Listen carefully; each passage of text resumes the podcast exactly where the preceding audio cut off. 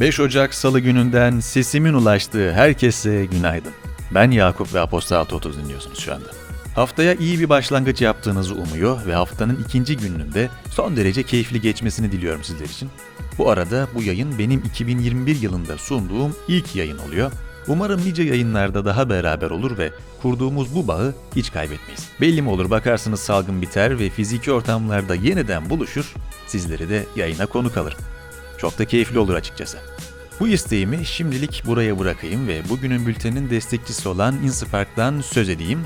Inspark, Salesforce şirketinin Türkiye'deki ilk ve en deneyimli iş ortağı ve tek Platinum partneri olarak öne çıkıyor.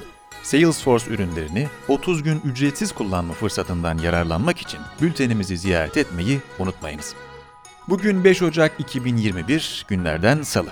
Gündemin öne çıkan detayları Aposta 630 farkıyla sizlerle. Türkiye'den manşetler.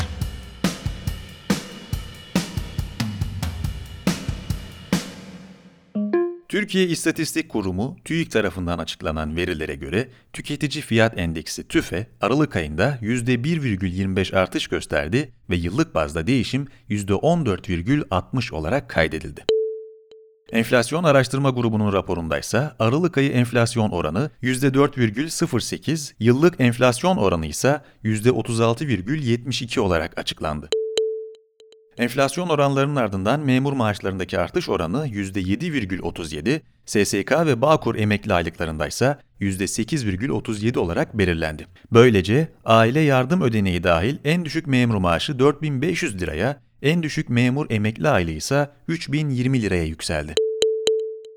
Hazine ve Maliye Bakanı Lütfü Elvan, enflasyonla mücadelede bütüncül bir yaklaşımla kararlı bir duruş sergileyeceğiz. 2021 yılı makroekonomik istikrara odaklanan bir reform yılı olacaktır, yorumlarını paylaştı. İstanbul Sanayi Odası Türkiye İmalat Satın Alma Yöneticileri Endeksi PMI Aralık ayında 50,8 düzeyinde gerçekleşti. İmalat PMI Ağustos-Kasım periyodunda sırasıyla 54,3, 52,8, 53,9 ve 51,4 seviyelerinde gerçekleşmişti. Ankara Cumhuriyet Başsavcılığı bir televizyon programında sarf ettiği türbanlı hakim karşısına gittiğimde adaleti savunacağı konusunda kuşkum var sözlerinin ardından eski CHP milletvekili Fikri Sağlar hakkında halkı kin ve düşmanlığa tahrik veya aşağılama suçundan resen soruşturma başlattı. Hakimler ve Savcılar Kurulu, Türk hakim ve savcılarını çağ dışı anlayışla tartışmaya açmak, adalete, ülkeye ve millete hiçbir katkı sunmaz açıklamasını paylaştı. Profesör Doktor Melih Bulu'nun Cumhurbaşkanlığı kararnamesiyle Boğaziçi Üniversitesi'ne rektör olarak atanmasını protesto eden öğrenciler ve polis arasında arbede yaşandı. Polis, tazikli su, biber gazı ve plastik mermiyle öğrencilere müdahale etti. Dört öğrenci gözaltına alındı, sonra serbest bırakıldı.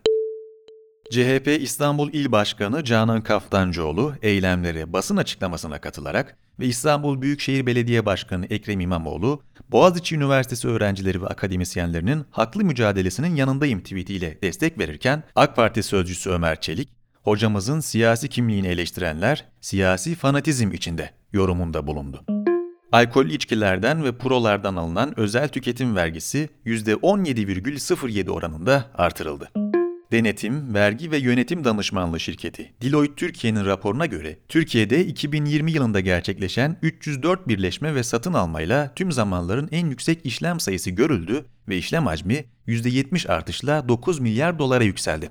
Peak Games'in ABD merkezli Zynga tarafından satın alınması Türkiye merkezi bir girişimin en büyük işlemi oldu. Yıldız Holding ve iştiraki Gözde Girişim, madencilik şirketi Kümaş'taki hisselerinin tamamını 340 milyon dolar karşılığında Oyak grubuna devretti. Dünyadan manşetler.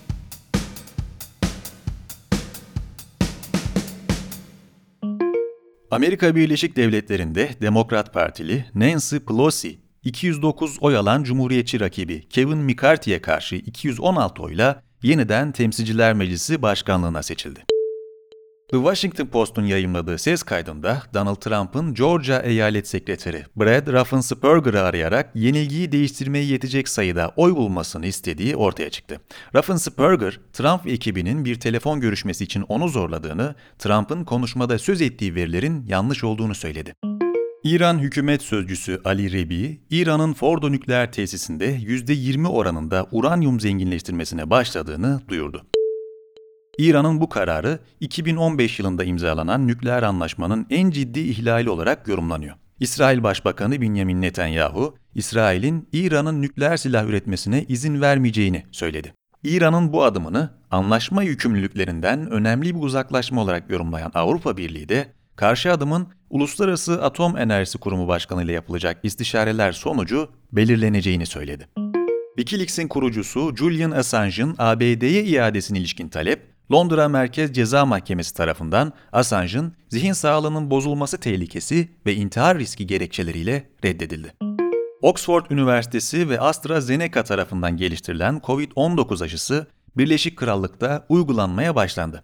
21 gün olarak belirlenen ikinci doz aralığı ilk dozun daha çok kişiye uygulanabilmesi için 12 haftaya çıkarıldı. Öte yandan Endonezya'da Sinovac ile aşılamanın önümüzdeki hafta başlayacağı duyuruldu. Pakistan'ın Pencap eyaletinin başkenti Lahor'da yüksek mahkeme, cinsel saldırı mağdurlarına uygulanan bekaret testinin hiçbir adli tıp ihtiyacından kaynaklanmadığına, mağdur kadınların onurunu zedelediğine, yasa dışı ve anayasaya aykırı olduğuna hükmetti. Suudi Arabistan teröre destek verdiği gerekçesiyle Katar'a uyguladığı ambargo kapsamında kapattığı kara, deniz ve hava sınırlarını açıyor. Kuveyt Dışişleri Bakanı Ahmet Nasır Muhammed Es-Sabah, Katar'la Suudi Arabistan arasındaki tüm meseleleri çözüme kavuşturma konusunda uzlaşıldığını söyledi. Ant Group kurucusu Jack Ma'nın jüri üyesi olduğu Africa's Business Heroes programının final bölümü yayınında yer almayacak olması Ma'nın kayıp olduğu yönünde iddialara sebep oldu. The Financial Times'ta yer alan habere göre jüri üyeleri arasında yer almayışına programının uymaması gerekçe gösterilen Jack Ma, Kasım'dan bu yana kamunun önüne çıkmadı. Ma, 24 Ekim'de küresel bankacılık sistemini Yaşlılar Kulübü'ne benzettiği ve reform çağrısında bulunduğu bir konuşma yapmış, ilerleyen süreçte Ant grubun Şanghay ve Çin borsalarında halka arzı durdurulmuştu. Bir grup Google ve çatı şirket Alphabet çalışanı, ABD'nin en büyük iletişim ve medya sendikası Communications Workers of America'nın desteğiyle Alphabet Workers Union adı altında sendikalaşıyor. Sendika, ücret eşitsizliği, tartışmalı hükümet sözleşmeleri gibi konularda mücadele edecek. Politika Türkiye.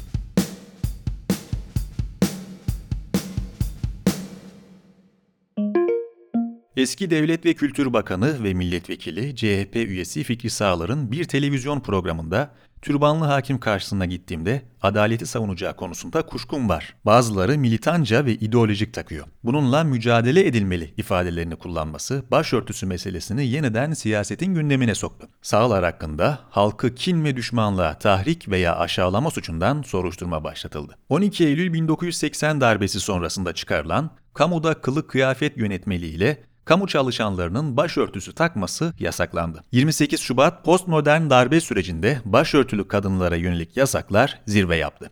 Başörtülü öğrenciler üniversitelere alınmadı, ikna odalarında örtülerini çıkarmaları konusunda baskıya maruz kaldı. 1999 yılında ilk başörtülü milletvekili seçilen Fazilet Partili Merve Kavakçı'nın Türkiye Büyük Millet Meclisi Genel Kurulu'nda yemin etmesi engellendi. AK Parti'nin hükümete gelişi de yasaklarda ani bir yumuşama sağlamazken 2007'de YÖK yönetimindeki değişimle üniversitelerdeki yasağın kalkmasının önü açıldı. 2013'teki yasal düzenleme ile kamu personelleri için uygulanan yasak kaldırıldı. Aynı yıl 4 AK Partili kadın milletvekili başörtüsüyle TBMM Genel Kurulu'na katılım sağlamaya başladı. Deniz Baykal yönetimindeki ana muhalefet partisi CHP'nin başörtüsü konusundaki yasakçı bakışı ise Kemal Kılıçdaroğlu'nun yeni CHP söylemiyle özgürlükçü bir çizgiye kaydı. Bartu Özden'in Fikri Sağlar, başörtüsü ve CHP başlığıyla ele aldığı yazının diğer detayları için bültene göz atabilirsiniz. Akademi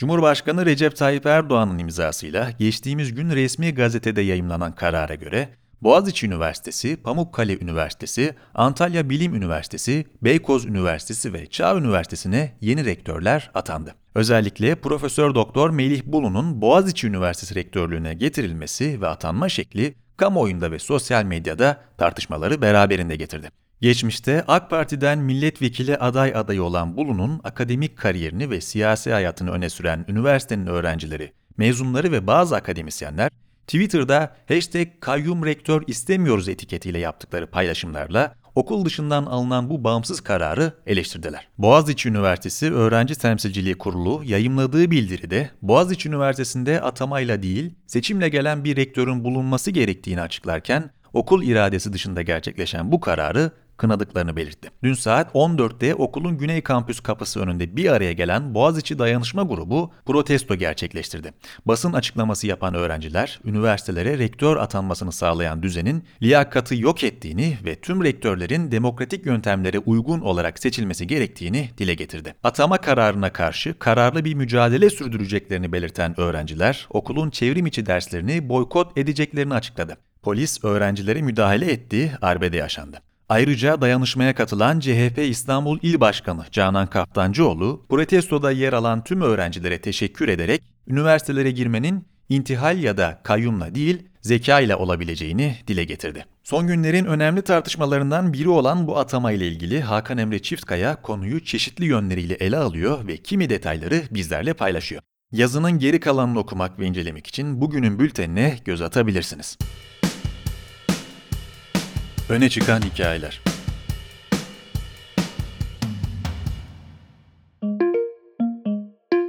...2020'nin politika sahnesinde pandemi haricinde neler yaşandı?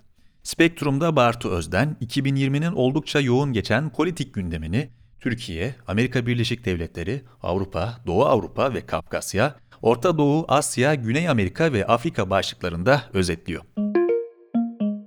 Sistemi değiştirmenin yolu yönetici sınıflara, organik entelektüellerle sivil toplumun kurumlarını etkileyecek bir karşı hegemonya kurulmasından geçiyor. Angst'ta Hilal Şenel, Gramsci'ye atıfla değişim içeriden mi mümkündür, dışarıdan mı sorusunun peşine düşüyor. Nordic Smith yılın son günü gönderdiği sayısında 2020'nin en iyi 10 Nordic albümünü listeliyor. Pandemi öncesinde gıda ve tarım geleceğin mesleği olarak tanımlanıyordu.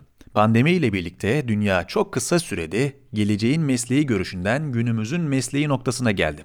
Kök Project kurucu ortağı ve CEO'su Semih Hakim, Apero okurları için gıda girişimciliğinde 2020'yi ve öne çıkan girişimleri değerlendiriyor. 5 Ocak Salı gününün öne çıkan detaylarını dilim döndüğünce sizlerle paylaşmaya çalıştım. Ben Yakup. Sürçülisan ettiysem affola diyor, kendinize iyi bakmanızı diliyorum. Perşembe günü yeniden buluşuncaya dek esen kalın.